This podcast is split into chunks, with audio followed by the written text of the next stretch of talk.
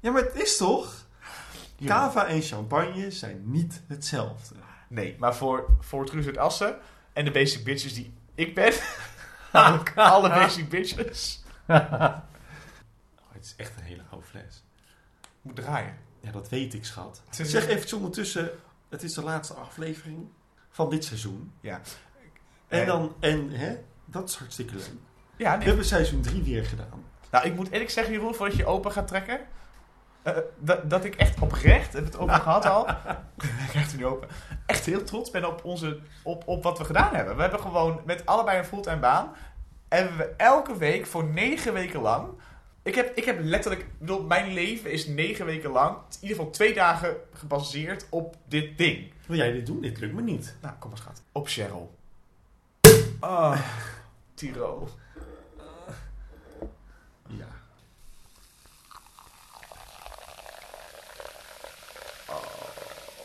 Het klinkt als decadentie zonder enige pretentie. Maar het is geen champagne. Nee. Eh, Jeroen, Jesse. op de laatste aflevering officieel van het seizoen 3. Ja, het seizoen 3. Tiro. Het was heel... Jeroen, proost. Santé. Ja, tak op deze memorabele aflevering van onze guitige podcast. Oh, heerlijk enig. Ik pak even een slokje. Ja, nou dan ga ik ondertussen zeggen... Hoi, ik ben Jeroen Kalhuis. En ik ben Jesse de Vries. En dit is... Cheryl! Cheryl! Cheryl! Cheryl. Een Gooise Vrouwenpodcast. Hey life, look at me. I can see the. Cause when you shook me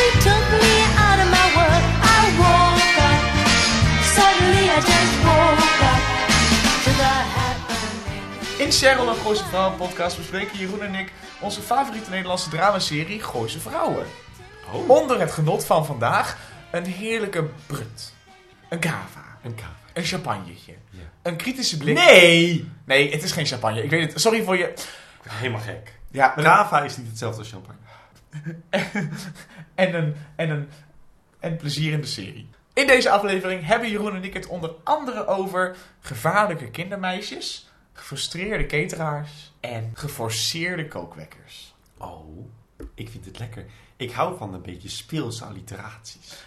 Wij hebben hier letterlijk op zitten bevallen. Dat ik, Ja, met- dat ik kan nog wel zeggen dat ik hou van jouw het, ging, het ging zeg maar zo, lieve luisteraars, dit is een behind the scenes. Ik zeg, Jeroen, ik heb kookwekker. Daar moet een woord voor of achter, maar het moet beginnen met een letter en het eindigt op een K. Dus wij zo, geforceerde kookwekkers? Nee. Getraumatiseerde? Cateraar met een C kan. Huwelijk, ander woord, synoniem- synoniemen.nl. Huwelijk, geen K. Kut, dus huwelijk kan niet. Eh, dit is hoe wij schrijven. Klopt. En we hebben er talent in. Ik kan niet anders zeggen dan dat ik dat beaam en dat het synonieme.net is. Excuse me. ja, nee. Als je de bron noemt. Goed, voor we beginnen. eh, Jeroen en ik willen jullie heel erg bedanken voor het luisteren naar de afgelopen nou, negen afleveringen eigenlijk. Ja. We zijn dit jaar opnieuw begonnen, na een lange stilte. En we zijn enorm blij met de respons, met de reacties en met de eh, eigenlijk, nou ja, verbazingwekkende ontwikkeling van ons ding. Eh, Er hebben heel veel mensen geluisterd, nieuwe men heel veel nieuwe mensen geluisterd. En dat, eh, dat geeft ons heel veel kracht om eh, het nieuwe seizoen opnieuw te gaan eh, maken. Mocht je deze aflevering nu al leuk vinden en de volgende aflevering, die misschien komt als een special, ook willen luisteren. Of eigenlijk alle oude afleveringen willen luisteren. We zijn op alle sociale media te volgen. Spotify, Soundcloud, de hele rambam. Je kent de intro, we doen het niet opnieuw. Namens de feestcommissie.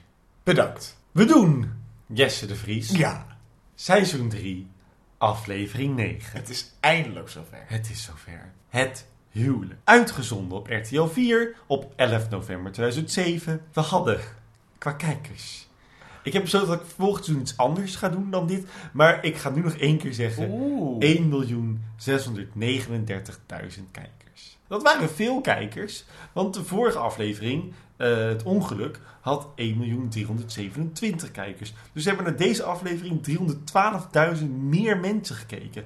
Ik denk vanwege... Omdat De mensen, cliffhanger. Ja, De vorige aflevering was gewoon de heel goed. fucking cliffhanger. Het scenario is geschreven door het Charcuterieplankje. Ja. Frank Houtappels en Anita Voorham. Of zoals ik ze graag deze aflevering wil noemen, You win some, you lose some. Die grap snijdt geen hout. en zoals altijd zijn deze ellendige afleveringen geregisseerd door Wil Magootman. Wilma koopt ham en appels. Ja, nou, een korte resume volgens Videoland. Doe het! Willemijn maakte met haar nieuwe liefde een gepassioneerde weg langs het verleden. Ook Cheryl viel als een blok voor een liefde van lang geleden. Ja, motorblok. Ja, cilinderblok. Ik weet ook auto. Anneke blok. Anneke Blok. Als Anouk het plan opvat om een kind te adopteren, heeft Claire goed bedoeld advies voor haar. Maar alles werd overschaduwd toen er in Huizen Morero een zeer tragisch ongeluk gebeurde. Welkom in het gooi, waar je de dood van je moeder niet mag verwerken, je rijke ex zonder enige reden terug kan komen, je je nieuwe oppas moet inlichten over je vorige nog een gestoorde oppas en waar we afscheid nemen van Gooise vrouwen zoals we tot nog toe hebben gekend. Want ik denk echt dat seizoen 4 een nieuw era is voor Gooise vrouwen. Ja, seizoen 4 wordt denk ik een reboot. Ja, waarvan we hadden verwacht dat dat seizoen 3 was, Ja. wordt het eigenlijk seizoen 4. Acte 1. Willemijn en Evert zitten keurig op de bank bij Kitty Koehandel. Ook wel bekend als Kitty Koebra. Ook wel bekend als de moeder van Willemijn. Ze zijn op bezoek om het heugelijke nieuws van hun tweede huwelijk te delen met Adriana. Want zo heet ze. Hoewel ze het er niet heel erg mee eens is, ze was al tegen de scheiding, want ziet scheiden als een zwaktebod, vindt ze het prima. Evert laat even zien dat hij het met deze Gooise verstijfde houding heeft gehad en gaat even kijken of de auto er nog staat, wat ik een briljante zin vind. Ja, Mammy vindt het huwelijk prima, mits Willemijn onder huwelijkse voorwaarden trouwt. Dat vindt Willemijn nogal een heftige beslissing. Was de vorige keer immers ook niet zo en Evert vroeg haar toen ook om geen cent. Nee, louter om het Lodewijk zilver van tante Elsbeth. Maar ja, wie zegt dat Evert zich niet nog een keer bedenkt? Als Willemijn het in de auto tegen Evert zegt, sluit hij heel wijs de discussie af met... We hebben het hier nog wel over. Dat vind ik een hele goede manier om een discussie af te sluiten. Ja. Heel gezond. Ja, heel gezond. In de babykamer van Remy betrapt Cheryl Tippy op echt een... Nou ja, in mijn ogen een daad die vier stappen te ver gaat voor deze serie, maar daar hebben we het nog wel over. Tippy is Remy borstvoeding aan het geven. Volgens Tippy vindt Remy dat lekker. Cheryl is het helemaal zat met Tippy en zegt dat ze de spullen mag pakken. En ook al heeft Tippy chantagemateriaal, Cheryl vertelt het dan liever wel gewoon zelf aan Martin wie de echte vader van de kleine Remy is.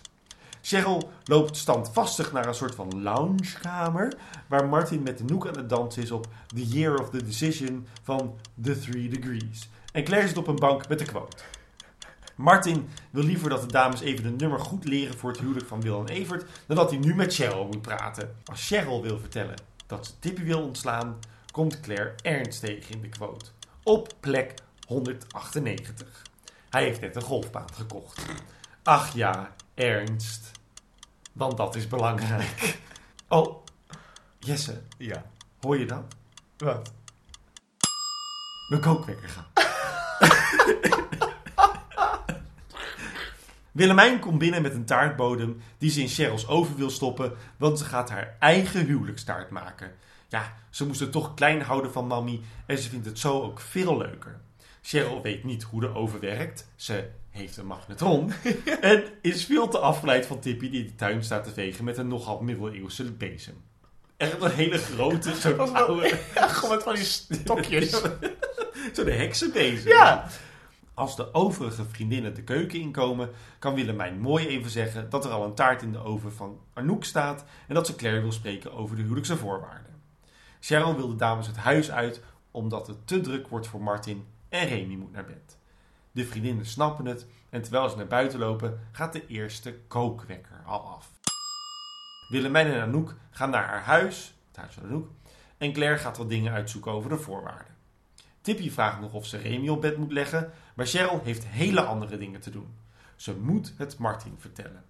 Terwijl All I Know van Art Garfunkel over de scène gaat, dankjewel Shazam, Van Simon Garfunkel. Ja. Oh. die ging ook solo. Vertelt Cheryl dat Remy van Tom is en dat ze de DNA-test heeft vervalst. Na de dood van Greet kan Martin denk ik emotioneel echt niet meer en stort extreem in deze scène.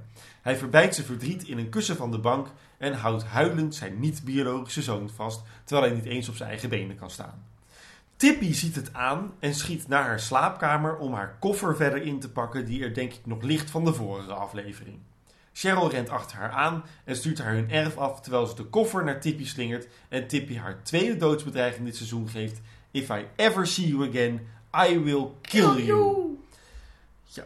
Om de druk van de ketel te halen hebben we even een korte scène met Mereltje die in de clutch van Claire de uitgescheurde pagina vindt met Ernst de Porum erop. Eh, Porum. Ja, Porum. Ja. Dat is gezicht. Ja. ja, dit is ook van het, van het scrabbelen. Porum. Oh ja! Ja, ik weet wat ik aan het doen Dat is ben. geen woord. Nou, was, Ja, vroeger was het... Nee, dit is komeel. Oh, ik kom. en terug naar de Morero's waar Cheryl huilend aan de keukentafel zit, terwijl Willemijn even wil testen of de taart goed is gelukt. Ze vraagt waarom Cheryl huilt. Martin komt de keuken in om te zeggen dat ze een vuile, liegende hoer is. Ja. Ook de tweede keer dit seizoen dat Cheryl een hoer wordt genoemd, overigens. Willemijn zegt dat het misschien ook fijn is dat het nu oud in die open is. Maar Cheryl is allerminst blij. Einde acte. Ik val met de deur in huis. Nee, die valt, die valt in huis. Oh. Deze eerste acte heeft dingen. Dit is weer hetzelfde als bij proeverij. Dat je gewoon voelt aan alles dat het einde van belang gaat zijn. Ja, zeker. Het, het- het- ja, dit bouwt op. Weet je wel? Eh, eh, En ook gezien de vorige aflevering het ongeluk zo goed was. Zo goed was. Ja, en dus moet je ook weten dat dan het eerste kwartiertje van zo'n aflevering... moet even de dieselmotor even eventjes- opstarten. Eh, dus, eh, wat mij betreft zijn er deze akte eh, drie dingen van belang om het misschien over te hebben. Namelijk allereerst tipje van de borstvoeding, de, de keuze van Cheryl om daar iets mee te doen. Ehm Kitty Koelhandel. Het is niet, het is niet groot, maar ik... ah, ah? Het is toch opvallend. En het moment dat Martin hoort van de waarheid. Laten we dan beginnen alsjeblieft met waar we beginnen de aflevering, namelijk Kitty Koehandel. Ik weet gewoon, ik, ik, ik, dat, dat gaat de hele aflevering doorcijpelen, maar op een of andere manier, Anneke Blok aan het been en Kitty Dubois hebben gewoon, ik denk dat je gewoon heel erg ziet dat zij theateracteurs zijn. Nou, Anneke Blok aan het been niet, maar Kitty Dubois is zo erg niet invested in al haar scènes. Terwijl dus, hè, daar waar het over gaat, Evert Willemijn en haar moeder, die, eh, weet je wel, die haar eh, traditionele eh, waardes probeert te, weet je wel, vast te houden. En Willemijn... Het is in principe een vrij goed gesprek. Namelijk een ik had nooit gescheiden. Een soort van. Jouw pap- jouw heel vader. veel schaamte onder Willemijn schuift. Wat heel leuk is. Wat ook heel veel potentie geeft. Het en maakt het, vertelt het over... maakt het personage Willemijn rijk. Op Ja. zo'n manier. Dat en denkt, Evert zijn reactie ook. Namelijk, hij zegt gewoon, ik ga nu de auto pakken. En hij Ja. is er gewoon klaar mee. Wat ik heel mooi vond, er zit heel veel ontwikkeling in deze scène. Het enige wat stoort is gewoon dat Spel. Dat spook wat, wat Kitty Koehandel heet. Ja, wat, en dan vind ik nog dat Anneke Blokker het been deed het eigenlijk nog beter dan Kitty Koehandel. Want wat Kitty Koehandel hier, ik kan ook niet meer gewoon Kitty Koehandel. Wat Kitty Courroix doet is gewoon, daar zit gewoon geen greintje passie in. En dat is ook een beetje ergens de rol. Ja, maar er is een verschil tussen, zeg maar, ehm, je hebt, ik heb vandaag weer Gilmore Girls voor de zoveelste keer gekeken. En er is ook een moederpersonage, meerdere moederpersonages. En een van die personages is heel erg fel en conservatief. En dat is eh, de moeder van Lane Kim. Ja. En soms zit er een schrijntje van emotie. En dan voel ik hem nog steeds heel erg. Omdat dat de façade is een keuze van het personage hij niet gekwetst wil worden. Kitty Koehandel speelt de eerste laag en houdt het op. En verder niks. Dus je ziet niet achter haar ogen Nee. dat er een liefde zit of dat er een houdconflict zit. En toch Eh, hebben ze besloten om het personage gravitas te geven op zo'n manier door er deze aflevering terug te laten komen. Maar de enige gravitas die ze heeft, is namelijk dat zij moet uitspreken huwelijkse voorwaarden. Ja, en weet je het zeker? Ja. Terwijl wij weten zeker, sinds de climax van de vorige en nu, als zij zeggen we gaan trouwen, dan mogen wij ervan op uit, van uitgaan dat Willemijn en Evert allebei heel zeker zijn. Ja, en dus kunnen we ons zo meteen afvragen, dan moeten we het in acte 3 over hebben. Ja. En dan hadden we het de vorige aflevering ook over, heeft de rol van Kitty Courbois iets toe te voegen aan deze aflevering? Ik denk het niet. Ik denk dat hij er helemaal uit had gekund. Dus laten we daar in, is- 3 over hebben of het nut heeft gehad. Ja, want als je het daarover hebt, dan had je eerder gezien het conflict wat er plaatsvond tussen eh Roderick en Willemijn en Evert in dat schuurtje vorige keer met die heggeschaar. Waarin hij vraagt. Waarom doe je dit en doe je het normaal? Ik denk inderdaad dat je gelijk hebt dat er meerdere of andere personages zijn die meer van belang waren met een mening dan Kitty Koehandel. Ja, mee eens. Edoch, Anoui, Etou. Kitty Koehandel, ik weet niet precies, ik, heb het, ik weet niet precies hoe, maar ze had het over herkansingen in dat dialoog en over eh, het opnieuw leren en het, en het eh, blijven leren en blijven eh, bezig zijn met on- onderwijs. En ik had opgeschreven, is dit een parallel naar het VMBO? Want Willemijn, de vorige aflevering zegt, het uurtje extra school voor Mhm. jou, Annabel, is Ja. misschien goed. Eh, is dat een slim parallelletje of is het, zo- zoek, ik dat, zoek ik dat erin? Ik had het zelf niet door, dus ik ga nu zeggen, je zoekt het erin. Maar het zou zomaar kunnen zijn dat het wel als parallel bedoeld is. Moet ik ook zeggen dat, ja, ik zou het heel fijn vinden als elke generatie Willemijn, Ja. zijn moeder, haar kinderen, allemaal dezelfde valkuilen en fouten maken.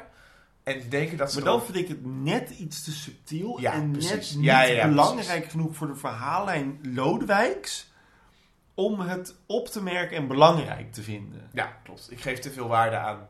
Ja. Nou, misschien was het wel bedoeld als iets waar heel veel waarde aan had moeten zitten. Nou ja, als ik maar, dat, het- maar het valt weg door, waar, wat, bullshit. door wat voor soort serie we daar zitten kijken. Dit soort dingen zijn scènes die ik na drie seizoenen Gooise Vrouwen kan zeggen... die zijn niet van belang. Skip ze. Maak er iets beters van. Hou het in de familie. En dan bedoel ik niet, neem Kitty Koehandel ermee. Maar zet inderdaad, zoals jij zegt, zet er eh, Roderick in. Of Annabel of Louise die zegt...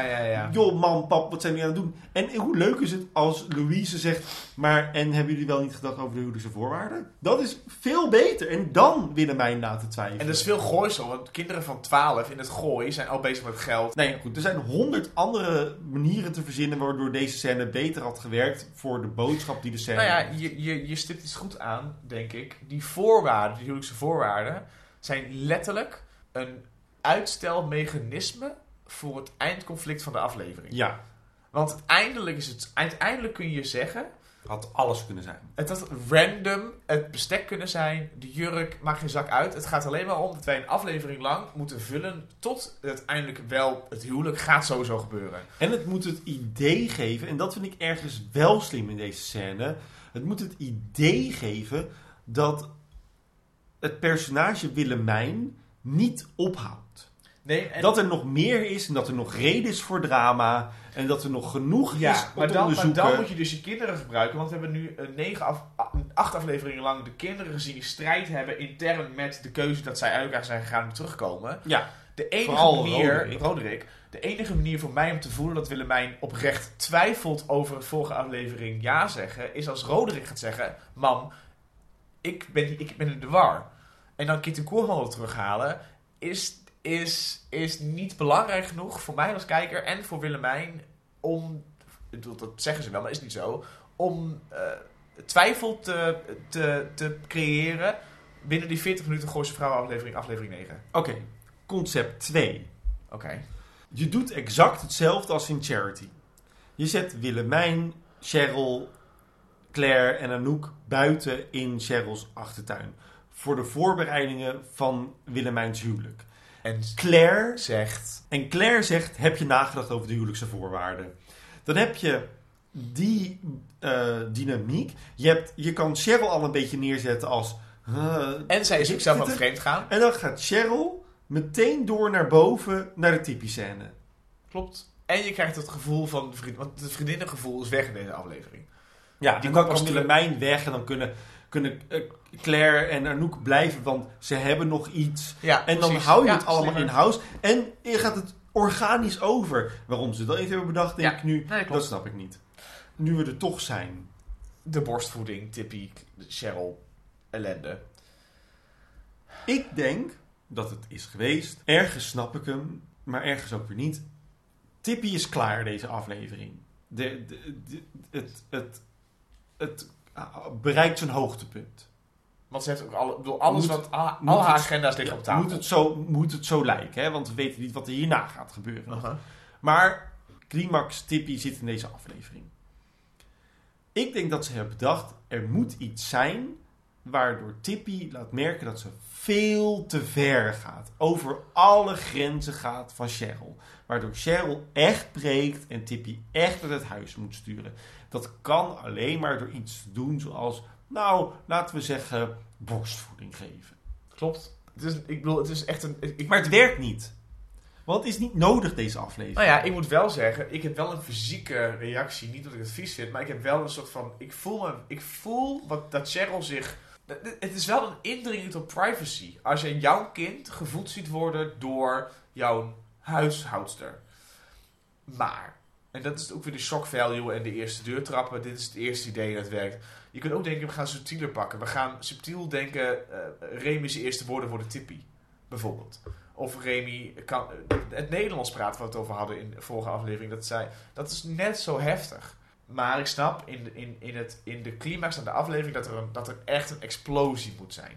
Wat ik niet begrijp, is dat de eerste scène Cheryl en Tippy, die je ziet deze aflevering, niks, maar dan ook niks Nee. te maken heeft Met de met vorige. de vorige aflevering. Want Cheryl moet... Het gaat niet over de spermapost, het gaat niet over de dood van Greet, waar je veel meer drama en dreiging in kan gooien dan...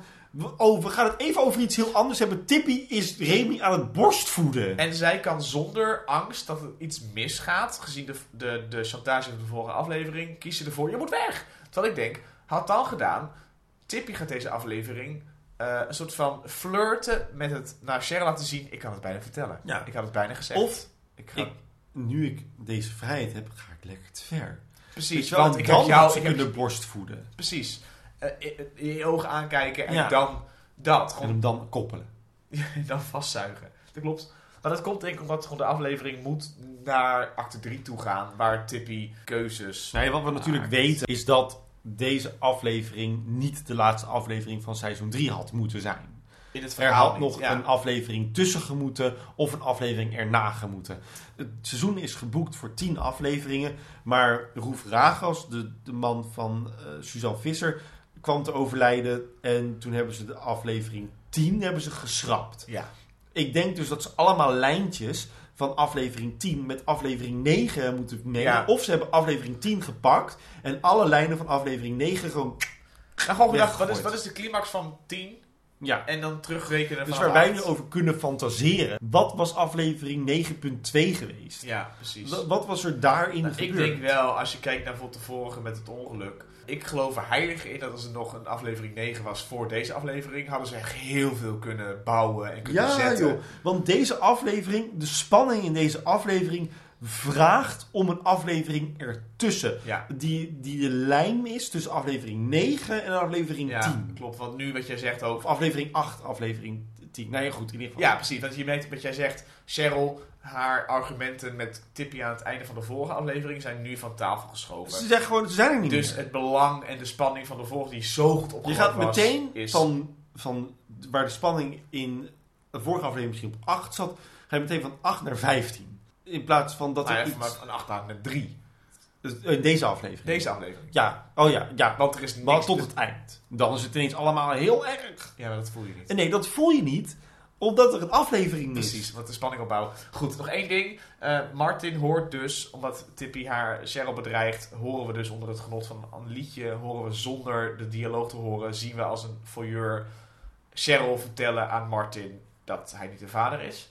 Ehm, de vorige, twee afleveringen geleden was de begrafenis, de, de grafjankscène, die raakte mij. Eh, deze raakt mij niet, persoonlijk, omdat er te veel effect op zit. Dit is een krallijkheid voor mij. Ik had dit gesprek willen, moeten horen. Ik wil namelijk weten welke woorden zijn gesproken door Cheryl. En Martin hoeft niet te reageren behalve fysiek. Ik wil weten wat Cheryl zegt. Want zij kiest ervoor om Martin te vertellen. Enkel om zichzelf te redden. Het is niet Ja, voor Martin dat ze het zegt. Dus haar, Nee. dus haar gesprek gaat, is niet uit oprechtheid geboren. ja. Dit gesprek had ik echt willen horen. Omdat ik daarna, in act 3, Martin zijn reactie wel volledig meekrijg. En ik nog steeds denk, Cheryl is een manipulatieve kuthoer. De- maar dat laat ze ook heel erg zien, deze aflevering. Ja, Eigenlijk laat deze aflevering heel erg goed zien dat de protagonist die wij volgen, Cheryl Morero, een verschrikkelijke antagonist is. Zij he- heeft, heeft niks met haar mee. Het is niet dat je denkt, oh wat een leuke vrouw, ik voel zo voor je. Ik, ik denk echt, nee, ja, sorry schat, wie, op de, wie, wie, op de, wie, wie zijn vingers kwam, moet op de blaren Ja, want zeg maar. zij kiest er nu voor om te zeggen, enkel omdat ze anders het van Tippy moet horen en dat ze de macht verliest. Ik denk dat het zo is geweest dat de scène qua dialoog, en dat is de fout van de aflevering, zo, zo fantasieloos is geweest dat ze de aflevering, de, de scène hebben gehoord en hebben gedacht, nou gooi er maar muziek over, we weten wel wat ze zegt. Nee, want de keuze om het van buitenaf door het raam door te filmen is... Maar, maar je ziet haar zeggen, eh, Ja, is- ik moet je wat vertellen, Remy, jij bent niet de vader van Remy. Maar dat is, maar De dat is, maar dat is, een, DNA-test. dat is een keuze Eh. van de cinematografie. Namelijk, het is, je voelt je als indringer op het meest intieme Oké, moment. maar je weet niet of ze hebben besloten om er ook een cameraman binnen neer te zetten. Hoeft niet. Als het, als het een dramaturgische keuze is om te zeggen... het- Ik, ik denk dat het niet is en-en, maar het is echt Ja. of-of. Ik vind hem lelijk. Ik vind hem ook lelijk. Maar ik vind het gewoon- wel, het is, het, je kiest voor de makkelijke emotie en ik raak er wel door geëmotioneerd. Maar ik raak gewoon geëmotioneerd door dat soort shit. Gewoon omdat ik denk, oh ja, het- dit is zo'n gesprek wat je eigenlijk liever niet wil voeren. En dan komt er lekkere muziek op. Weet je wat ik zou willen als ze deden? Is niet buiten de ramen staan, maar echt extreem close-up op Peter Paul. Ja, Want hij had het kunnen dragen. ja, Zoals het toilet 100 2. procent. Laat hem alsjeblieft zo intiem mogelijk binnendringen op het personage. En laat mij dan zien dat hij er moeite mee heeft. En laat mij niet Cheryl zien, maar horen wat ze zegt. Ja. Of niet eens. Maar Ja. gewoon aangeven, Cheryl vertelt hem dit. Daarna is het een liedje eronder flikkeren. Laat me eventjes heel erg op zijn. Want wat hij doet is heel goed. Hij Ja. is voorbij waanzin. Wat we natuurlijk de vorige aflevering hebben gezien met de dood van Greet. Dat je kan zien hoe, of nou ja, ook met de doop en zo. Je ziet als er een emotie in Martins lijf schiet, dat hij niet meer weet waar hij het zoeken moet. En dat weet hij ook deze scène niet. En dat is echt lekker om naar te kijken. Want het is, je, het is te kijken naar een ongeluk. En het probleem is, is dat, eh, dat, dat ergens het perspectief van deze scène suggereert dat wij via Tippy, Tippy kijken. Want Tippy staat buiten, te Ja. vegen met haar bezem. En eh, Cheryl kiest ervoor om het hem te vertellen. En ik zou het persoonlijk interessanter vinden om het niet via het perspectief Tippy te zien, maar gewoon echt als een vlieg aan de muur. Want, want dan kun je het gesprek, want ik wil het gesprek horen. Ik wil weten wat gezegd wordt. Ik wil weten dat zij zegt, ik heb T-Pex gebruikt. En het spijt me enorm. Bladibladibla. Dat vind ik veel, dat is veel rauwer. Ja, eh, En de timers, de, de kookwekkers. dit zijn er twee. Ja, eh, ja Twee had, had jij, maar had jij, door, wat, had je door wat er gebeurt met de kookwekkers? Ja, Toch? Ja, Ja. Ja, ik weet wat het Ik vind, ja. het, ik, vond het, ik vind het heel slim en daar komen we later op terug. Dit is, dit is uh, codevast schrijnwerk, die. Ja, maar dat is de enige vaste lijn die ze hebben, dit, deze aflevering. Ja. Waar ze zich aan vast kunnen klampen. Echt. Luister, als ik, nog, als ik moet herschrijven wat niet doorgaat, dan, Dan pak ik in ieder geval de, eh, de kookwekker. Dan pak ik dat momentje en dan ga ik dat volledig, dan Ja. ga ik daaromheen bouwen.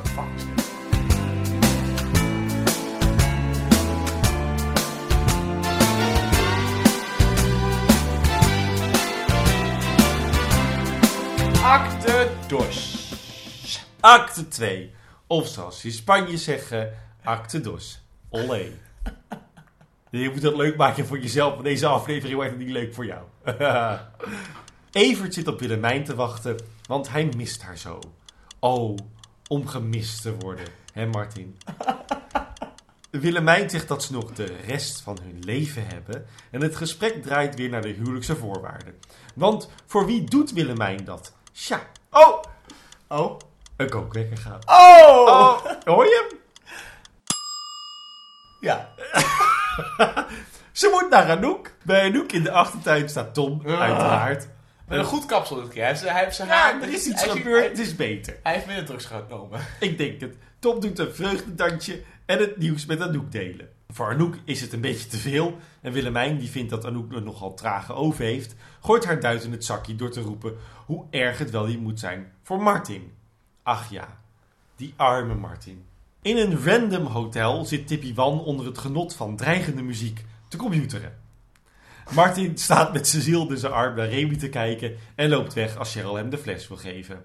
Anouk is blij met Vlinder. Willemijn is blij met haar taarten. En Claire zit tv te kijken.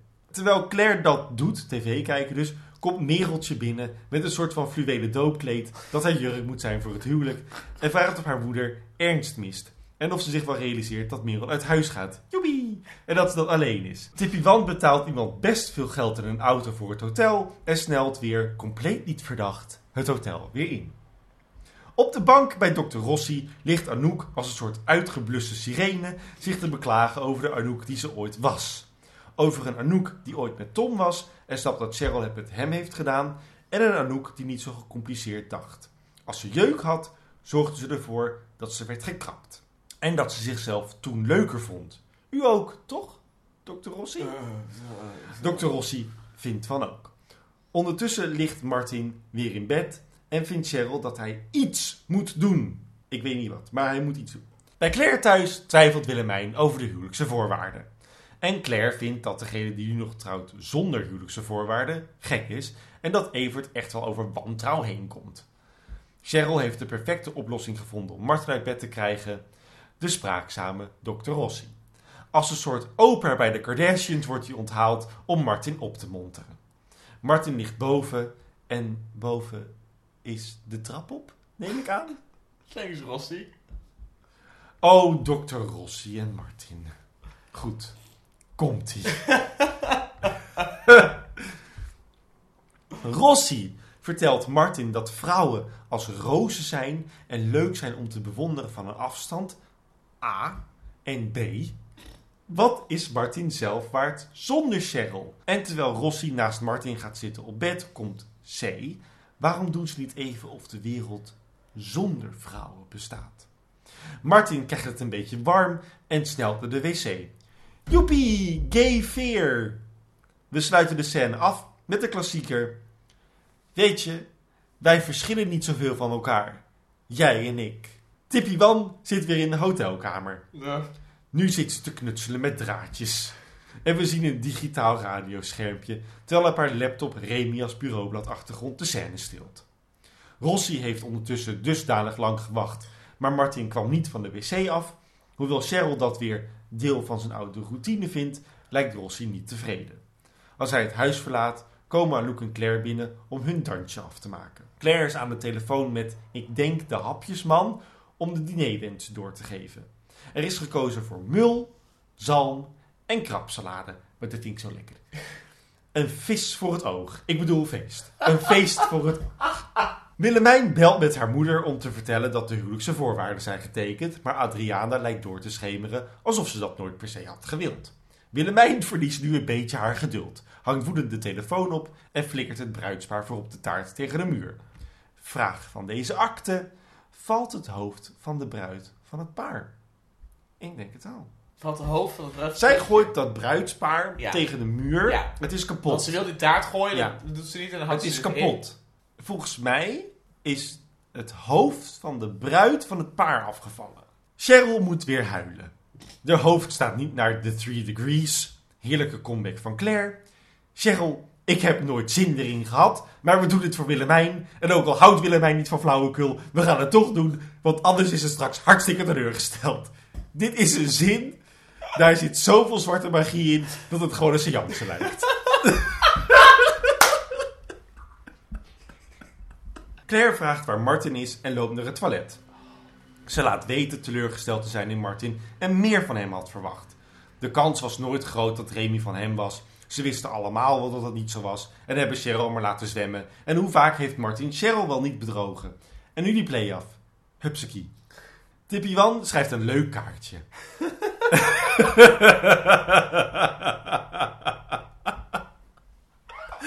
Lieve kind, kwam. Onder zoete herinneringen aan de Gooise vrouwen. Hoe denigrerend Willemijn is, hoe naar Claire kan zijn, hoe opvliegerig Anouk en hoe Cheryl Cheryl kan zijn. Oh ja, het zijn flashbacks. Tippy schrijft hun namen op en lacht onheilspellend naar haar eigen spiegelbeeld. Vertel eens even. Acte 2. Ik wil het heel graag met jou hebben over waar ik oprecht geraakt op werd. Namelijk de, de Claire Martin, Martin, ja. Op het toilet. Ik wil het graag hebben over Dr. Rossi. Want ik heb een dingetje over Dr. Rossi, denk ik. Ik wil het hebben over een paar dingen.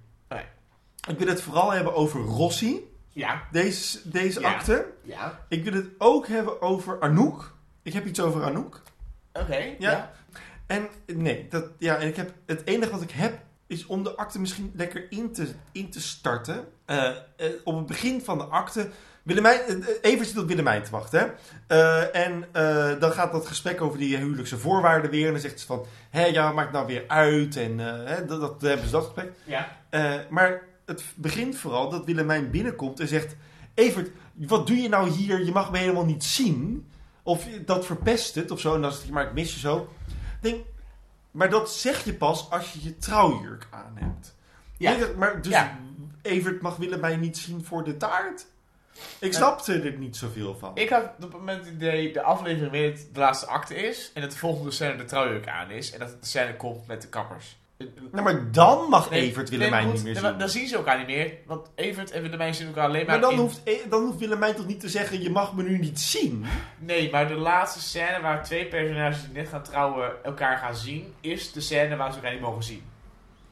Het, als ik een trouwaflevering zou doen van elke serie ooit in de wereld...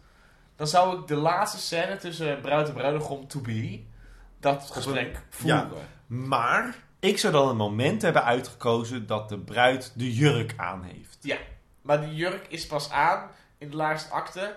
twee weken later geproduceerd en gefilmd. Vind ik het dusdanig zo Het is slordig. Het dat de zin eruit had Het gemoeten. het is niet nodig. Het is echt niet nodig voor iets van de aflevering. Het gaat alleen maar voor eh, een kookwekker. Ik heb een ding over Rossi. Oh ja. Kijk, we kunnen het hebben over dat Martin de, de eh, therapie van Rossi op locatie insinueert of eh, interpreteert als eh, homoseksueel. Als flirtgedrag. Dat kunnen we, dat, dat, is de, dat is de grap. En in de lijn van het personage Martin, Allah. Laten we. Allah. Wat ik fascinerend Wat vind, vind jij fascinerend? is dat eh, zodra Rossi bij Martin komt, hij dialoog heeft. En taal kan geven aan iets. Sterker nog, degene die in de dialoog aan de macht is, Is Rossi. is Rossi. Letterlijk wat ik opschreef. Martin is de Rossi in de scène met Rossi. En dat vind ik Dat zo... is ook meer Rossi's therapie dan dat het Ja. Martins therapie En, dat, en wat ik heel, heel tof vond eraan, is dat je dus ziet... Rossi als therapeut gaat nooit, kan nooit voor de Gooise vrouwen therapie bieden... die zou kunnen bieden aan iemand anders. Want Rossi slaat dicht zodra de vrouw op zijn bank ligt. Letterlijk Anouk, een scène daarvoor. En, en het ding is, is dat deze scène met Martin en Rossi... eh, getuigt wel van, voor het personage Rossi zijnde, van vakmanschap. Want hij kan zich verbinden. Hij, tuurlijk is er reflectie en interpre- interpretatie. Maar ik vond het zo fijn om het contrast te zien tussen de scène daarvoor dat Anouk daar zo van vulps op de bank ligt met een rokje op de knieën. En dat Rossi daar aan zwetend niks kan zeggen. En zodra hij met een man zit, dat hij het emotionele personage is. Toen dacht ik, oh oké. De schrijvers, de houtappels en de... die laten het voorhand die laten we- wederom zien dat personages een laag hebben die er soms uitval, uitspringt. En zo niet, is hij er niet. En er zijn, maar, maar bij, nu bij Rossi denk ik, hij is nog ronder. Want de volgende aflevering ook met Willemijn en, eh, en Evert tussen weggingen en dat ze seks gingen hebben. Dat hij, er was een gelaagdheid in zijn personage. En nu wederom. Ik vind Rossi deze aflevering misschien wel een van de meest gecompliceerde personages. Je hebt die scène tussen Rossi en Anouk. Je kan niet zeggen dat Rossi niet deel is van die scène. Want Rossi voelt de seksuele spanning van Anouk. Dat had hij de vorige aflevering ook Altijd al. al. Nee, want in, ik heb het even teruggekeken. In de eerdere seizoenen noemt hij nog Anouk U. Het is pas sinds dit seizoen dat hij denkt... Nou, hè, Oh. Anouk is wulps. Hè, dat hij nu een beetje... Hij ontspant bij Anouk. Volgens mij zijn zij in, in, de eerste scène, of in de eerste seizoen... zijn zij begonnen met eh, therapie met Anouk. En nu eh, wil hij met haar wel relaxen en denken... Oh ja, maar er is, er is iets. Volgens mij krijg ik Anouk nog wel een keer in bed. Dat zit een beetje onder Ah, scènes tussen Anouk lelijk is en. Rossi. Heel lelijk. Maar ehm, er zit een soort van rare seksuele spanning tussen hun dit seizoen. Misschien flirt zij wel met Rossi om te voelen dat ze seksueel... Anouk, die flirt expres met Rossi. Validatie van een ander. ja, ze heeft validatie nodig van iemand anders om te voelen dat ze leeft. Of dat nou Abdiraman is, of Rossi, of Ton, of Juriaan. Het maakt niet uit. Die zijn allemaal inwisselbaar. Ze moeten validatie hebben. En van een man. Dat is het belangrijkste. En daar heeft ze het ook over hè, in die scène. Eh, dat ze de Anouk die met Tom was leuk vond, maar de Anouk die, die, die, die ongecompliceerd was en die graag die, die, die, Drie keer per dag seks had Ja, of zo. Dat ze die veel leuker vond. Dus ergo, seizoen 4, Anouk Sekspoes komt terug. Want dat is wat ze wil. Ja. Dat is wat ze dus mist. En wat ook weer kan nu, want Dus is het, namelijk het weer... zoeken naar zichzelf is gestopt en ze heeft besloten, eh, bij wie ik ben, is die sekspoes. Ja. Dus dat, dat laat zien. De... Goed, Rossi vervolgens, en dit verwart mij, en ergens vind ik het interessant. Wat Rossi allemaal zegt bij Martin, is eigenlijk dat Rossi een vrouwenhater is. Een incelboy. Hij wil niet dat vrouwen. Hij, hij vindt vrouwen oprecht een gevaarlijk object. Hij wil niet dat ze erbij komen. Hij vindt ze, hij vindt ze niet leuk. Hij vindt ze.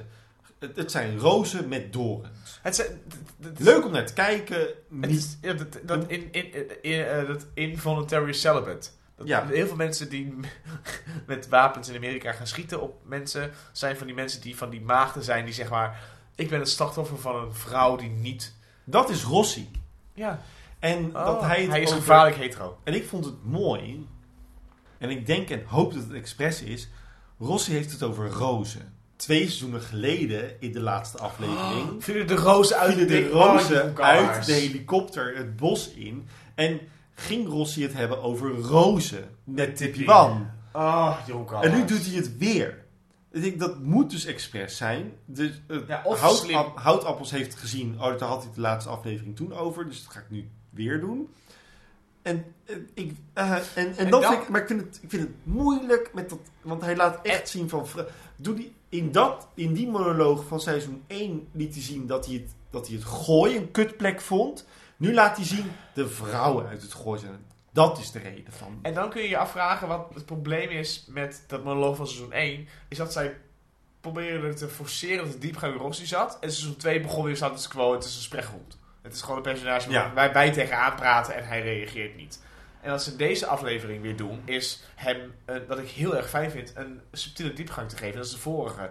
Dus wat jij zegt over die rozen, is denk ik getuigt heel erg van respect van het product wat er was. Ja, Ik had, het- ik had het totaal niet door. Maar het is dus heel een, slim. een subtiele lijn. Eigenlijk, ze geven precies datgene wat je nodig hebt Het is genoeg benzine om de motor... om, om Rossi te kunnen waarderen. Want die vorige deed ja, Rossi, ja, flikker op ja, trucje, Rossi. trucje, trucje, Kut, trucje. Rossi, eh, flikker op. En nu denk ik, oh, Rossi. Oh, interessant. Ja. Het enige wat er van mij uit had gemogen, vanuit het heteronormatieve perspectief van deze de- scène, is de gay fear, de homo-angst van Martin. Zodra Rossi op dat, op, die, op dat bed komt liggen. Ik vind dat gewoon kut om naar te kijken. Want weet je wat het is? Je bent 14 en je kijkt Gooise Vrouwen voor het eerst. En je ziet een intiem moment. En je ziet een intiem moment tussen twee mannen. En het is nergens seksueel. En het is niet oké. Ja, het is smet. Want het hoofd... Want, want een protagonist... Emotioneel gesprek tussen twee mannen, dat mag niet. Je volgt Martin. Martin is de held van, de, van deze serie. Alleen normaal deze aflevering, Martin is het slachtoffer van de drama. Ja, hij is nu kwetsbaar. En Martin is een soort van... eh, jager die een prooi vindt. En misschien is hij homo's. Maar spreken- eigenlijk heb je dus niet nodig dat Martin zich deze aflevering tussen haakjes grappig neerzet. Je wil dat Martin zich zo kwetsbaar mogelijk neerzet. En dus ook Rossi dichtbij laat komen. Wat je wil is dat Rossi dichtbij komt zonder de, de, de homoseksuele flirt-achtige Had makkelijk gekund. En dan wegvlucht naar het toilet. Want dan is de, scè- de scène met Claire en Martin vind ik zo mooi. Want je ziet Martin gaat op het toilet zitten, want hij vlucht van Rossi weg. Wat ik snap in het. In het in, wat ik snap. Want de enige persoon in de serie die Martin echt bij zijn ballen kan pakken en zeggen: hou nou je bek en ga door. was Willemijn. Is Willemijn. Het is jammer dat Claire. En Claire, ik bedoel, het is een mooie scène, want het is tu- Het tussen. is de- een hele goede tekst. je, en, ook de, de beeldvoering met de spleet tussen het toilet. Maar het had Willemijn moeten zijn. Het had Willemijn moeten zijn. En wat ik dus zo gek vind, dit hebben ze al een keer eerder gedaan. Namelijk in eh, De Franse Zanger. Dat eh, Bij het scrabbelen. Arnoek naar. eh, nee, dat, nee, dat Willemijn naar Amsterdam ging. En dat Cheryl tegen Willemijn zegt: Claire. Neem Claire mee. Terwijl daarvoor, het hele seizoen lang, was het Willemijn en Martin. Ja. Die zijn het stel. Ja. Dus waar ze Claire en Martin vandaan hebben gehaald in het script, er is iets verkeerd, geldt niet. Maar Claire en Martin horen niet bij elkaar. Nee, de enige... de- ik, ik, ik vond het wel... Het, het raakte me wel. Het is een supergoeie Omdat scène. het spel goed is en de beeldvorming is goed en het voelt indringend. En Martin zit gewoon op de wc te wachten tot het einde van de Tot klaar komt. En dat Claire zegt, ik had het niet van je verwacht. Maar als je kijkt naar de verloop van de kookwekker, het ritueel van de kookwekker en de climax, had Willemijn degene moeten zijn die zegt, luister Martin, ik ben zuster eh, Bloedwijn. en ik ga nu even vertellen, vriendin, jij hebt de kralenketting hier bij de tafel. Dat, dat, dat, dat Want zij had, zij had bijna precies dezelfde tekst kunnen zeggen. Ze had hetzelfde kunnen zeggen. En dan was het niks aan de hand. Want, als, geweest. want Willemijn was in een trouwjurk binnengekomen stormen. Luister Martin, wij gaan over twee uur trouwen. Deze bullshit, het is echt niet mijn probleem. Niet jouw probleem met het zeuren. Hup, pak je pak en ga even naar buiten. Pak je pak. Ja, Ja. Ja, ik- nee. nog steeds, ik vind het een fijne scène. Het klopt het personage, Claire klopt het. Alleen het probleem is, is dat de andere personages allemaal Claire dwingen tot dat Ja, gesprek. en het mooie is ook, Als als, Willemijn het had gedaan... Willemijn weet al veel langer dat Cheryl het met Tom heeft gedaan. Dat er een mogelijkheid is dat Tom de vader Met is. peetvader van, geweest, bla, bla, bla. bla. Dus eh, deze scène had Willemijn moeten zijn. Ja, Desalniettemin, het is een mooie scène tussen Claire en eh, Martin. Het is gewoon niet wat het had moeten zijn. Als je kijkt naar wat de serie heeft gedaan afgelopen seizoen, had het Willemijn moeten zijn. Want weet je, die verhuis, het is Ja. zo prachtige. Ah, Goed, terugdenkend aan al die eh, scènes, Jesse. De flashbacks. De flashbacks. Oh, ik heb echt de Instagram in de sepia pagina langs zien komen in 2009 en het was echt verschrikkelijk. Ik haat flashbacks überhaupt. Maar in deze fucking aflevering als Tippy Wan, dit is les, maar dit is lui, dit is dit is lui. Wacht. Want je moet even uitleggen waarom jij flashbacks überhaupt haat. Omdat- de, de opmerking ik haat flash... Luister. Dit soort opmerkingen doen me altijd heel erg denken... We hebben natuurlijk dezelfde opleiding gedaan.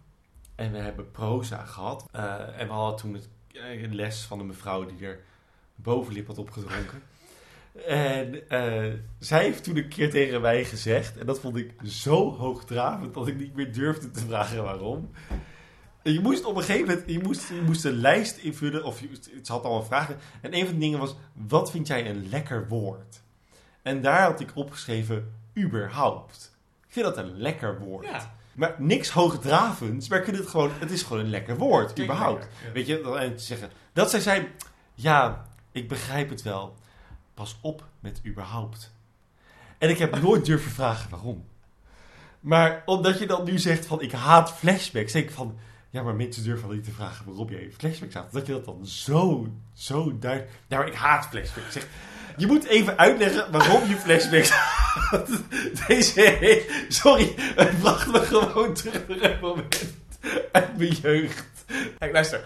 Een flashback is ofwel de zwakte van een vertelling van het verhaal, Oké, waardoor de makers moeten teruggrijpen naar Weet je het nog? nog? Letterlijk previously on. ja. Netflix-series van nu doen niet meer aan weet je nog van de vorige aflevering. Nee. Gaan gelijk. Wat, wat de, de, de kijkcultuur is binge-watchen. De flashback in de, de dramaseries van 2000, 2000 zoveel zijn.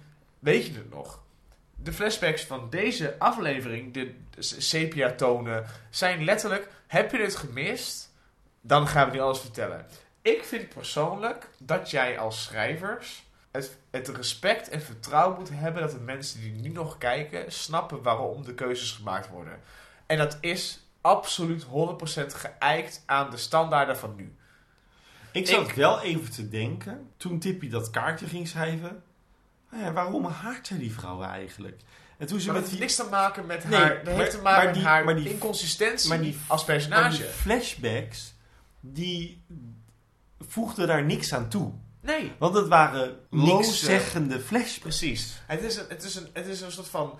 eh, Het is eh, letterlijk neerzetten Het is Hoe denigrerend Willemijn is. Hoe naar Claire kan zijn. En hoe opvliegerig genoeg is. Maar dat weet, weet je, dit soort dingen, als dat de reden is voor Tippy Wan om een bom te maken, dan kan Claire, Cheryl, Anouk of Willemijn kunnen ook een bom maken voor hun vrienden. Iedereen. Want zo doen die mensen tegen iedereen. Het, de enige reden voor Tippy wel om een bom te maken is als haar grens extreem bereikt is. En, de, de, En het is niet gebeurd, want Nee. racisme maakt er niet uit, denigratie maakt er niet Het uit, is meer het dat zij- maakt er niet uit. is weggestuurd. Het plot vroeg haar om een bom te maken. Ja, het En het argument voor haar weggaan is dat, weet je nog van de vorige... Luister, als Tippy Wan zo gevaarlijk was, zij had in seizoen 1, toen ze bij Anouk weggestuurd werd, niet kunnen weten dat ze bij... iemand, het- wat het, wat het sterker had moeten maken, was ehm, eh, dat Claire nog steeds zat met de, eh, Met de foto's en de met de dingen. chantage. Ja, Eh, en dat iemand, het maakt me niet uit wie, al was het, ik bedoel, doe nu Willemijn, omdat je weet hoe het eindigt. Dat iemand erachter was gekomen wat ze met die Fieldman had gedaan. En met het spermapost En of met de met sch- Greet. Ze hadden, Ja. om het beter te maken, hè, want deze aflevering is natuurlijk een beetje ge- gehaast. Wankel. En ze hadden Als de balustrade. Ze, ja, ze hadden gewoon dingen moeten kiezen, want anders kon het niet. Punt. Hè? Tippy eh, Sure. moest dit doen, want het plot. Punt. Maar ze hadden het seizoen beter kunnen maken door eh Willemijn erachter te laten komen dat eh, wat er is gebeurd met Greet. Denk dat dat het belangrijkste is, waardoor Willemijn zo meteen het loodje kan leggen. Ja. Ze hadden eh, Claire of Anouk erachter moeten laten komen. Wat, dus Anouk erachter moeten laten komen wat er met Fieldman is gebeurd. Dus dat probleem bij Anouk leggen. En ze hadden Claire moeten laten chanteren. Want Claire heeft gewoon iets kuts gedaan. En Tippy weet dat. En eh, Cheryl heeft die spermapost. Dus ze hadden gewoon het Field-probleem bij Anouk moeten Nee, leggen. de enige persoon is Martin.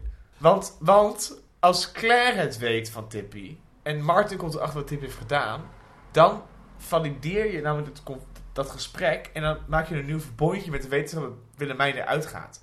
De enige persoon die gevaarlijk is op dit moment voor Tippy is niet Cheryl, niet Anouk, is Martin. Want Martin, eh, die heeft bagage voor Tippy. Waarom? Martins moeder is vermoord. Weet ze niet. Nee, maar als hij weet dat Tippy gevaarlijk is, kan hij gaan betwijfelen. Om te weten wat Tippy misschien is. En als hij dan samen. Als je dat in het plot had. Juist. En dan had hij met, met Claire kunnen. Dat, het verbondje wat blijkbaar wordt geforceerd in deze toiletscène. Had kunnen eh, samenwerken met Claire. Eh, Ja. Was er meer kracht geweest voor dat verbondje? Een reden geweest voor een nieuw gesprek? En had Martin als. Want Tippy heeft Martin nooit gezien als bedreiging. Alleen maar de vier vrouwen. Ja. En had Martin kunnen indringen zonder Cheryl te betrekken. Alleen maar uit een soort van. Zijn eh, eigen geheimpje. Zijn eigen verhaallijn. Omdat ik mijn moeder wil wreken. Ja. En had hij Claire kunnen gebruiken. Waardoor de Tippy One-lijn sterker is. Want nu is de Tippy One-lijn de- hetzelfde. Het is een Tippy One-liner. het, is, het is hetzelfde als wat het hiervoor altijd was. Namelijk Tippy, dubbele punt, dreiging. ja, Tippy is de dreigingpunt. Maar de vorige Ja. aflevering kwam alles eruit. Oh, Tippy is meer dan dreiging alleen. En, bij, bij, En nu is Tippy weer ouderwets, dubbele punt, dreiging. moddervechten met Claire. Hetzelfde. Ja. I'm gonna kill you. Ja. Oh, spannend. Voor de Ja. aflevering. Oh. Oh, geen idee. En nu is het weer... Ja, Oh, dreiging. Tippy is de algehele dreiging in de, afle in, in de serie, maar we weten niet zo goed waarom. Terwijl het is heel duidelijk en heel makkelijk aan elkaar te koppelen waarom Tippy de dreiging En is. ik denk, dat je, ik denk dat het probleem van Tippy is dat, het dus, dat Tippy Wan was een middel en niet een doel. Ja, En dat Fruitappels en Floorham hebben gekozen vanaf eigenlijk de aflevering met Claire in de modder, de, de grootste vrouw, dat ze zeiden, Tippy is een, is een doel op zichzelf. En daar zijn ze, maar je kunt niet ander, 2,5 seizoen lang, nee. dus dat, dat zij dan gretig op de dingen En daarom en Nederlands denk ik, praten. ik bedoel, ik, ik, ik vind gewoon het, ik heb gewoon heel erg het gevoel dat we niet mega eerlijk over deze aflevering kunnen praten, omdat er een aflevering tussen had gemoeten. Precies. Edoch, dit is het seizoen zoals het ons is gepresenteerd. het is de waarheid. Dit is wat we Ja, hebben. Het is de waarheid, Marco Borsato. En Tippy is weer terug bij af wat dit betreft. En ze hadden hier echt, ook al is dit alleen maar de aflevering die er is, ze hadden hier voor Tippy nog veel meer uit kunnen halen dan dat er had moeten zijn. Want Tippy is dreiging, is niet meer genoeg. Nee. Vooral niet meer na de Gooise vrouw en na het ongeluk. Zeker kan je niet meer zeggen, Tippy is alleen maar dreiging. vanaf de eerste seconde al, Tippy dreiging is weg. Eén tip, Tippy pauze een beetje.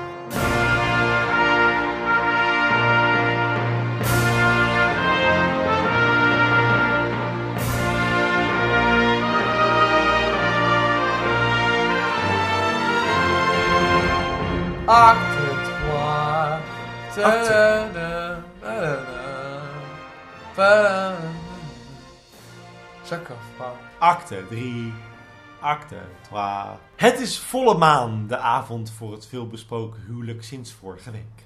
Martin ligt weer keurig in zijn overdagkleding in bed te sikkeneuren, terwijl de rest van de kast deelneemt aan het oefendiner van Willemijn en Evert. Evert wil beginnen, maar Willemijn heeft nog hoop dat Martin komt.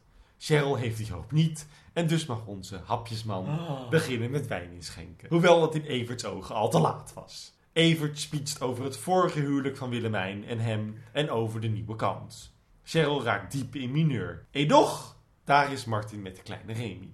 Martin neemt de speech over met dat hij voor Remy kiest, ook al is het niet biologisch van hem, en zal Martin Tom vanaf nu zien als, nou ja, donor. Een bevriende donor. Hij eindigt de speech met de boodschap dat Remy eigenlijk een hele grote familie heeft en dat zijn dus de mensen aan tafel. Er wordt getoost op de bijzonder grote familie en op het huwelijk. Martin krijgt een biertje. En de amuses hadden natuurlijk al moeten zijn. Hapjesman. Ja, ik bedoel, we kunnen ook alles inhuren. Ja, We kunnen ook we gewoon... kunnen ook gewoon kiezen voor een andere cateraar. Eh, eh, morgen moet het anders, hè? Morgen moet het gewoon sneller. Ze hebben alleen maar kritiek op die man. De volgende dag staat Cheryl de nieuwe naamloze oppas uit te leggen wat er allemaal nodig is. Remy gaat namelijk niet mee naar de bruiloft. Er is van alles voor het meisje in huis, van krentenbollen tot chips. Het huwelijk is in volle voorbereiding en Roderick neemt een pakketje mee met een blauwe strik. Oh god. Die dit- neemt hij aan Oh, van de, die- van de oh. verzorgers. Willemijn zit volop in de maquillage Mag met ik... de, met de vriendinnetjes op de achtergrond. Ik denk letterlijk gewoon de make-up artiest van de set. Ja, tuurlijk was gewoon dat zo, zo. Oh, Ja. cameootje. Oh, leuk. gezellig. Ik speel wel wie ik moet zijn, is goed. Ik heb mezelf. Mammy komt binnen met een oud familiesieraad dat Willemijn te leen krijgt in het kader van Something New, Something Old, Something Borrowed, Something Blue. Als je de kans krijgt om deze aflevering even terug te kijken, gaat het maar alleen maar op dat moment, Welke minuut is het? een minuut, weet ik veel, dat Kitty Koehandel binnenkomt in de scène en zegt, ik wil je wat geven. Het is Something New, Something Old, Something Borrowed, Something, Blue. ze krijgt van Cheryl iets nieuws, van Anouk iets blauws en van Claire krijgt ze de oude trouwring terug. Onder al dit feestgelach wordt er aangebeld bij de Morero's. Naamloze oppas nummer 1 doet de deur open en Tippy staat daar. Ze legt uit dat ze van de huishoudelijke hulp is In Nederland. in het Nederlands en haar horloge is vergeten. Deze mag ze uiteraard even zoeken, terwijl de oppas haar identiteit verifieert bij de Morero's. Tippy gaat pijlsnel te werk. Ze schiet achter de oppas aan, wurgt haar en rent naar boven. Daar pakt ze een paspoort en neemt ze Remy mee naar buiten, een taxi in. Met één blik richting het erf van de Lodewijkjes rijdt ze weg. Gevlucht. Gevlucht rijdt ze weg. Het is zover. Er mag getrouwd worden. Willemijn komt de tuin ingeschreden en trouwt met Evert zonder trouwambtenaar. Er staat geen ambtenaar. Nee, dan. Ik vraag me af hoe dat is gegaan. Want dit kan niet. Bruiloft terwijl het is nep. Ze staan daar, maar ja goed, nee, ja, goed. Helaas komt Ernst de scène in om een soort van Oh. iedereen is nu niet meer alleen boodschap uit te willen dragen. Oh. Maar goed, daar komen we ook er vanzelf overheen. vreugde daar en vreugde op Schiphol, waar Tippy Remy en zichzelf incheckt voor een vlucht naar Fantasieland. ja, ik weet niet waar ze naartoe gaan. De bruidstaart wordt aangesneden. De hapjesman vindt het allemaal een erg precaire toestand, maar het gaat allemaal goed. Cheryl, Anouk en Claire doen een 3 degrees dansje met Martin als een soort van dance mom als support. Tippy staat in de rij van de douane als Rossi ook Schiphol ingelopen komt. In de cadeaukamer staan de vriendinnen samen te huilen van blijdschap. Willemijn had graag cadeautjes voor de meiden willen kopen en een speech willen schrijven over blijvende vriendschap. Gelukkig is er een cadeau op tafel speciaal aan de meiden geadresseerd. Wanneer ze het cadeau willen openen, zegt Roderick nog dat het vuurwerk zo begint. Wink, wink. Maar ze kunnen hun spanning niet op. Het cadeautje gaat open en het is de digitale radiowekkerschermpje van Tippy Wan. Willemijn vraagt nog wat het is. Is het een kookwekker? Vijf, vier, drie, twee, één. Laten we, laten we beginnen met het einde. De kookwekker. is de hele aflevering al erin. En het tikken de tijdbom. En het, eh, weet je wel, de kookwekker zit erin omdat Willemijn een reden krijgt als personage om eventjes een, een draaideurscène te hebben met alle mensen. Weet je wel, en overal even inbreken. Ja, en- een soort van semi-afscheidscènes zijn. ja, precies. Zonder dat ze afscheid neemt. Want dus, ik vond de laatste zin van de aflevering is de kookwekker, vond ik heel erg slim. Want ze pretenderen niet slim te doen. Ze zeggen gewoon, trucje. Maar daarin meteen de vraag. Er gaat iemand dood. Hoe dan ook. Want er gaat een bom af. Dat gaat niet zonder reden. ja. Er gaat iemand dood. Ja, De, de serie is afgelopen. Ik ga aan jou vragen. Had er een ander personage dood kunnen gaan in deze serie? Gebaseerd puur op deze aflevering? Nee, wat zeg ik? Gebaseerd op het seizoen? ja. Behalve Willemijn. Behalve Willemijn. Nee, absoluut niet. Absoluut niet. Ook omdat Willemijn de laatste zin heeft. En de laatste zin is, wat is het, een kookwekker? Omdat Willemijn de hele aflevering met kookwekkers in de Nou ja, weer het is was. gewoon heel simpel. Het is gewoon het is een beeldvoering. Er is een tikkende tijdbom die Willemijn laat afgaan. Gewoon, er is, de, die kookwekker is... Het is, letterlijk een, het is letterlijk een kookwekker of een digitale klok die ze gebruiken. En nee, Het geen, kan bijna niet anders dan dat het Willemijn Het mag niet anders zijn. Het mag ook niet anders. Nu weten we ook dat toen de tijd, dus in 2007, dit is 11 november uitgezonden, 30 oktober van dat jaar kwamen er al nieuwsberichten uit dat Annette Malherbe heeft laten weten te stoppen met Gooise Vrouw. Oké, maar 2000, dat was 2000... 7. Dat is Zeven. hetzelfde jaar als dat de serie uitkwam. Jawel, maar goed, de, de, de, de reguliere Truus uit Assen... Weet dat Willemijn eruit gaat. Nee, die weet het niet. RTL Boulevard. Ik vraag me af of het, ik vraag me af of het erin geweest is. RTL Boulevard is zo'n programma Wat de cliffhanger zelfs vergeet- de, cliffhanger vergeet Esther zou vertellen.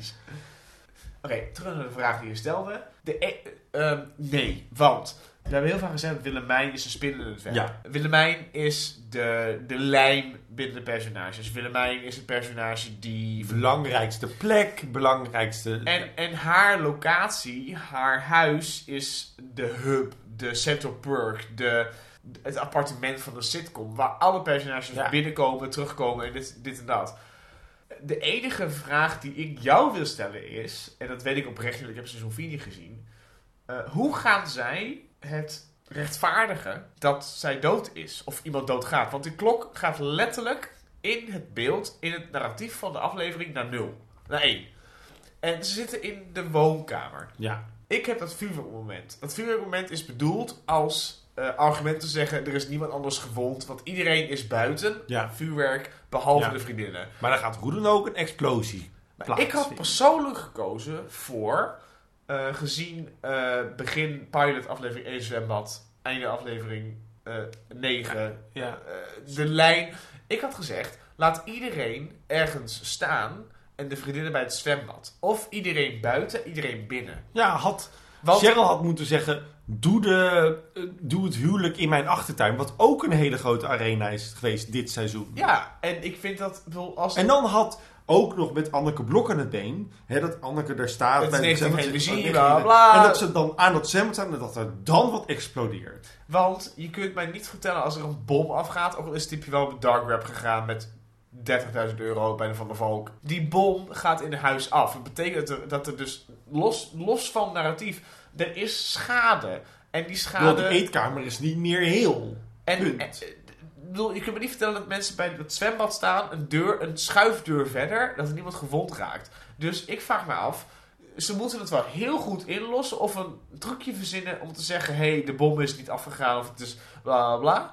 Er, is, er heeft niemand weg kunnen vluchten, er heeft niemand, er is schade.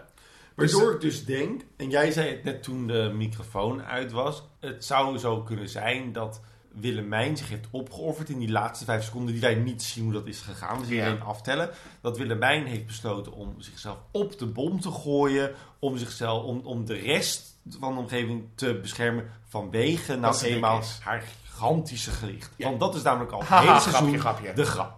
Ze was zo dik, ze heeft ons allemaal beschermd. Dat wordt de grap. Maar, los daarvan, los van de invulling van de inlossing van het ding, de bom aan zich.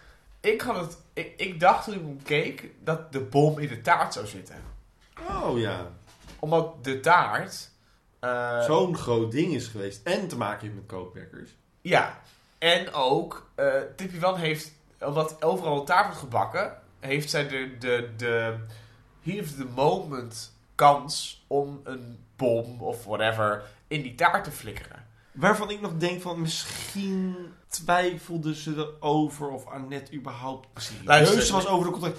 En ehm, omdat de man van Suzanne Visser was overleden, dat ze dacht, nou misschien wil Anouk, gaat Anouk er wel uit. Dat ze daar een beetje op, dat dat ook nog zou kunnen zijn, dat geen van die actrices zei, ik ga eruit. En dat ze dus de bom niet belangrijk hadden moeten hebben. Waardoor ze dus het in het midden hebben moeten laten hoe de bom in beeld kwam. Ik denk dat ze het oprecht niet. Ik denk dat ze oprecht in het duister grepen voor hoe de serie. Maar dit is letterlijk soap-argument. Namelijk gewoon een extreme climax. Maar door de code van het product kunnen we altijd terugkeren naar... Ja. Het is, een, het is een ontzettend zwak iets. Het is echt een vrijbrief voor climax Alles zonder kan consequenties. gebeuren. Ja. Weet je, je moet beginnen met schrijven zodra dit seizoen afgelopen is. Want Je het- kunt je, je de kunt- climax van, de, van het seizoen, toen de tijd op normale televisie, besloot we gaan door ja of nee. Ja, want je hebt je kijkcijfers halverwege. En dan moet je, weet je, je moet opnemen in april. Je hebt twee maanden opnementijd. en dan moet je alles- Korter, ja. Kijk, Vrouwen is natuurlijk van tevoren geschreven. En dat Vrouwtappels... Qua seizoen dan, hè? Ja. Ja. Dus, het, dus, dus het narratief ligt vast. En dat dan bijvoorbeeld bij Suzanne Visser haar man sterft...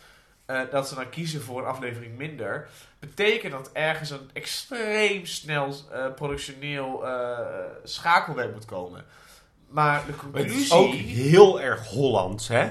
Dat wij dit kunnen veroorloven en dat de wereld zo werkt. Zodra er iets kuts gebeurt met je cast, dan kan de, de producer bellen met de regisseur. De regisseur belt met de schrijvers. De schrijvers gaan meteen achter hun laptop en En dat tak, merk tak, je, tak, want tak. het En- kookwerkertje is, Ja. is, is, een, is een trucje. En daarom merk je aan deze aflevering haast. Haast, haast, haast, haast, haast, haast, haast. Ja. Ze hebben waarschijnlijk een week gehad om deze aflevering helemaal goed te schrijven. Zodat ze kunnen schieten. En zodat eh, Suzanne niet zoveel werd belast.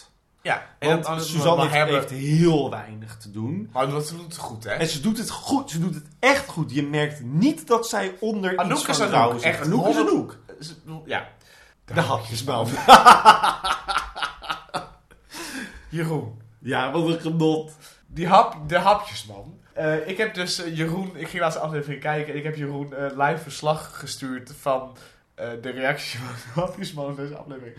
Omdat de acteur die dit speelt, Is zo goed. hij is, hij is niet belangrijk voor niks. Echt oprecht, als je het, als je het ziet denk je, maar- die, die, die, act- die acteur is nu al drie seizoenen lang aanwezig.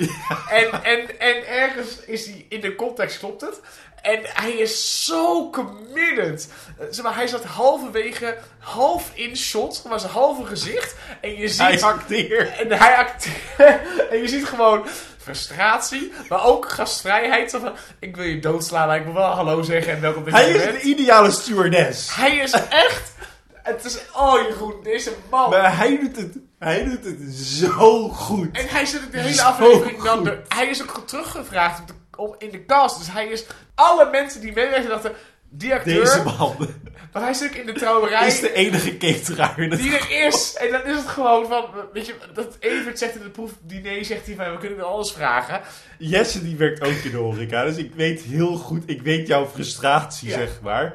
En deze man belichaamt de horeca frustratie. En wat zo fijn is, is dat zodra de uh, Willemijn zegt, nou de amuses hadden echt al lang moeten komen, dat hij zegt, nou hier zijn ze. Want ze, hadden, ze komen zeg maar nu, terwijl jij zegt, komen ze nu op. En dat hij dan naar die vrouw kijkt van, jij godvergeten kutteef. Ik gooi zo een beetje arsenicum in je drankje. Die, die blik herken ik van Jesse. en ook later, tijdens het huwelijk, als ze dan die taart aansnijden. En dan zie je die man, dan zie je die man zo naar die taart kijken van, dat gaat niet goed, dat gaat niet goed, dat gaat nooit meer. Oeh, het ging net goed, het ging net goed, het ging net goed. Dat ik echt denk van, dit is elke cateraar ooit. Deze man doet, doet fantastisch zijn werk. En ik wil dat deze man een, een, een, een gouden kalf verdient voor deze Voor deze rol. gastrol. En de leuke grap is... Hij is de artistiek leider van de. Ik bedoel, ook al zie je hem niet, je weet, hij is, van, Hij is vanaf actie tot kut, is hij aan. Soms de dialoog tussen personages willen mij een Cheryl of whatever. En dan zie je in de zijkant als een van donkere schaduw, als een schaduw zo staren en zo. Ik haat jullie allemaal. Net als in seizoen 1 met die. Ja, maar hij, dat hij, hij gewoon echt nu, zo... hij neemt nu, hij neemt, wat hij doet is, hij neemt zijn continuïteit mee. Ik Dus haat keer allemaal. hier En zeuren allemaal. Ja, maar ik ben het niet vergeten van die 80 stukken garnalen die jullie niet hebben opgegeten de vorige keer. En de, en de, en de, en de deal, die, en de korting die we gekregen. Ja, hallo. nu volle pomp betalen. 8,50. Ja, nee, dit is 12,50, dames en heren. Ah, Jeroen Kallaar. Wij gaan er, wij, wij- we zijn erachter ondertussen wie hij is. We gaan proberen. En we gaan proberen hem eh, in de podcast te krijgen. We willen hem gewoon spreken over zijn... Dit is toch briljant. dit, is, dit is echt... Dit Ik is ben echt- ook benieuwd als je hem dan spreekt en die zegt... Goh, zijn vrouw? Nee, ik helemaal niet Ja. van. Maar dit is wel echt het getuige van vakmanschap. Ja. Gewoon professionaliteit. Ik kom binnen met mijn pak en mijn dunne stropdas 8,50 per hapje. En ik ben gewoon aan als Wil Ko- Wil- Wilma Koopman zegt actie. Ja. En dan maakt het niet uit wat er gebeurt. Ook al gaat iedereen naar de tering. Ik ben 8,50 per hapje. Ik hoop dat hij de catering doet op Willemijns begrafenis. Oh, deze man. Goed. Oké. Heb je nog... Jij hebt nog drie dingen. Oh, echt? Jij wilde graag Claire haar woonsituatie bespreken en de ernst van Oh de ja, oh ja, woonsituatie. ja. Claire heeft geen geld. Nee. We zijn ervan op de hoogte. Want Claire gaat haar huis verhuren. Want dat is de hele lijn van dit seizoen. Ja, van haar. Ja. Want daar is de lesbische makelaar voor. ja en die Fransman. En de Fransman. En nu... eh, Ineens. Ineens, nou, sinds de vorige aflevering, woont zij alsof er niks meer aan de hand is Nee. in dat huis. Dat betekent dus dat Jean-Louis Sarri zoveel heeft betaald. Dat, Twee dat, dagen. dat Claire, dat, ik denk een week, dat Claire haar hypotheek weer kan betalen. Ik ben heel benieuwd. Ik heb heel veel vragen. Daarbij heb ik opgemerkt. En dat heb jij gemist. En ik ook. Tot deze aflevering. Zij heeft toch die leuke eh, bakjes? Ja? In de leader zijn het er twee. In de serie zijn het er drie. Zij heeft ook nog eens besloten... Luister, ik kan mijn huis niet meer betalen, maar ik koop nog zo'n bakje. En die heeft ze erbij gezet. En ik denk koffie, thee en misschien suiker. Dat, Ik, ik, ik denk Senseo-apparaat, koffiepoeder en thee. Ja, nou goed, dat. En nu heb je nog twee dingen. Die, de speech van Martin. Jij hebt al anderhalf, drie seizoenen lang ge- gesmeekt om een antwoord op de vraag... Hoe lossen ze dat op met de spermapost? Ja, Ik vond, dit is de oplossing. juist, het, de enige die dit kan inlossen is Martin. Zeggen tegen Tom, ik accepteer het, ik weet het, en het is oké, is zo fucking slim. Ja, het is het beste wat je kan doen. Want je geeft namelijk de wankelende verhaallijn toe en je lost hem op. Dus hierna, wat ik dus de vorige aflevering al zei, hierna Is komt, klaar? is dit niet meer aan de orde. Klopt. Punt. Er is... Want Martin zegt gewoon, ik heb Remy geaccepteerd als mijn kind. Ik dank Tom voor zijn zaad, Ja. voor zijn snelle zaad. En voor de rest is Remy gewoon van mij. Ja. En jullie zijn allemaal deel van mijn familie. Ja. Wat ik heel lief vind van Martin Anne 2007, waarin dit soort dingen nog helemaal niet zo heel vaak werden gezegd door mensen. Een laatste ding nog, Jeroen. Tippy is... Ons volgende ding is Tippy. Kijk, Tippy is de naamloze... eh het naam- naamloos kindermeisje aan het drogeren of, of zo. Nee, ze wurgt haar. Ze wurgt Ze haar ze dood is. ze mo- vermoordt iemand. Ze vermoordt haar. Waar, waarvan ik me afvraag, was dat nou echt nodig? En is Ik er plek denk in- het niet, Is er namelijk. plek in een tuin met een je wel, waar, waar gaat het... Ik snap niet dat Tippy zo makkelijk iemand kan vermoorden. Nee, maar dat kan ook helemaal In niet. de context van... Het en- duurt ook een seconde en dan is ze dood. Ja, Ja, dat is heel gek. Heeft, ze heeft hele eelterige handen. Heeft En ze. longen. Ja. Ik vind het leuk dat Tippy Nederlands binnenkomt. Wat weer refereert naar... ja, maar ook gewoon heel goed. En ze is ook heel netjes en zo. Ik denk dat ze echt dacht van, dit gaat me wel lukken. En op een gegeven moment denkt, oh kut, gaat Maar het ding is, Tippy is voor de schrijver voorbedachte raad aan het vermoorden. Maar in de situatie, in, het verhaal had ze ook binnen kunnen komen. Ja, En niet hoeven te vermoorden. nee. Het is een losse lijn die niet ingelost wordt. Nee. Maar omdat ze Deze, Tippy moord, deze derde punt- moord voor Tippy is onnodig. Maar dubbele punt gevaar. Dus het is gerechtvaardigd. Ja, pff, En die bom. daarbij, als ze de... ehm, eigenlijk had ze moeten denken, weet je wat? Bel ze maar. Ik pak Remy en ik ben via de via de achterdeur ben ik weg. Ja. En dan merk je het niet. Ze had, die oppas had ze nooit hoeven doen. Sterker nog, de oppas niet vermoorden... Is, oppas niet, niet vermoorden had haar gevaarlijker gemaakt. ja. Had namelijk de, eh, de emotie erbij gezet. I don't give a fuck. ja, en ook erbij. Want voordat ze erachter komen, zit ik al, ben ik al up, up in the sky. Maar het, het, het, het vermoorden of het misschien uitschakelen van het kindermeisje is alleen, alleen, maar, is alleen maar meer rommel voor Tippy Wan. Ja, het is, het, ja, want dit is eigenlijk, als je kijkt naar wat de personages weten, de eerste moord voor Tippy. Want de Fiat weten ze niet. Greet, is een ongeluk. Maar nu, aflevering 1, seizoen 4, en ze komen na de dood van Willemijn erachter dat er een de vermoorde kinderoppas in hun huis ligt. En Remy is weg. Ja, eh 1 plus 1 is 3. Ja, Met- plus, je kunt wel zeggen, oké, ze heeft gewoon een bepaalde lijk. Het, het, het is gewoon bullshit. Het is gewoon, Ja. het is belachelijk. Belachelijk. Volgens mij zijn we er voor deze aflevering doorheen. Wat ik, ik, ik wil wel even zeggen, ik wil even Wat zeggen. ik jammer vind. Wat ik jammer vind, is gewoon dat deze aflevering de laatste aflevering is van dit seizoen. Want het had zoveel beter kunnen zijn. Want het seizoen 3 is echt een fucking goed seizoen geweest. Dit is wat de schrijver moeten meenemen voor volgend seizoen. Juist. Ze moeten denken, oh, dit zijn dingen die gaan gebeuren. En Ja. die lijntjes. Weet je, ze hadden eigenlijk moeten zeggen... Joh, Annette, heel erg leuk dat jij het Gooise Vrouwen wil. Het maakt me echt geen reet uit. Je gaat dood in de eerste aflevering van seizoen 4. Of, of na het seizoen, voor de eerste aflevering. Ja, had ook gekund. Je gaat dood wanneer we het niet zien. En we nemen het wel op, want dan kunnen we het gebruiken in seizoen 4. Of, maar een, niet of, nu. of een achter de rug met een voluptueuze vrouw. Whatever het nou, mag je zijn. bent overreden of het maakt mij het uit. Maar Maak er een mysterie van, van wie heeft Willemijn vermoord. ja, oh ja, dat dat de trope is van seizoen 4. Ik ben teleurgesteld. Ik wil heel graag van jou, Jesse de Vries, omdat het nou eenmaal hoort en omdat ik, het, omdat ik er zo naar uitkijk elke week, wil ik graag het gezegde uit het gooi. Nou, mijn gezegde vond ik zelf heel grappig. Wat meestal betekent dat het heel flauw is. Ja, Ik heb, ehm, ik heb een gezegde bedacht. Met respect voor alles wat ons lief is. het gezegde uit het gooi. ja. Jeroen. Ja. God hou er mee op. Gezegd uit, het, gezegd uit het gooi. Ja. Het gezegd uit het gooi. Deze week is een hommage voor de afgelopen periode. Oké.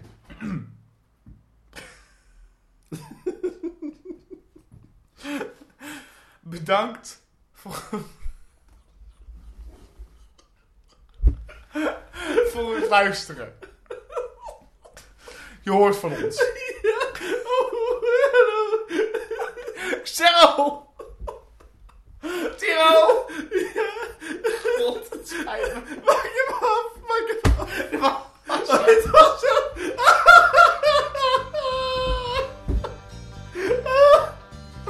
Mijn naam is Jesse Vries en hij heet Jeroen Kallaars. En dit was godzijdank eindelijk het einde van deze aflevering. En het einde van seizoen 3. Cheryl, Cheryl! je hoort van ons. Cheryl! Bedankt voor het luisteren.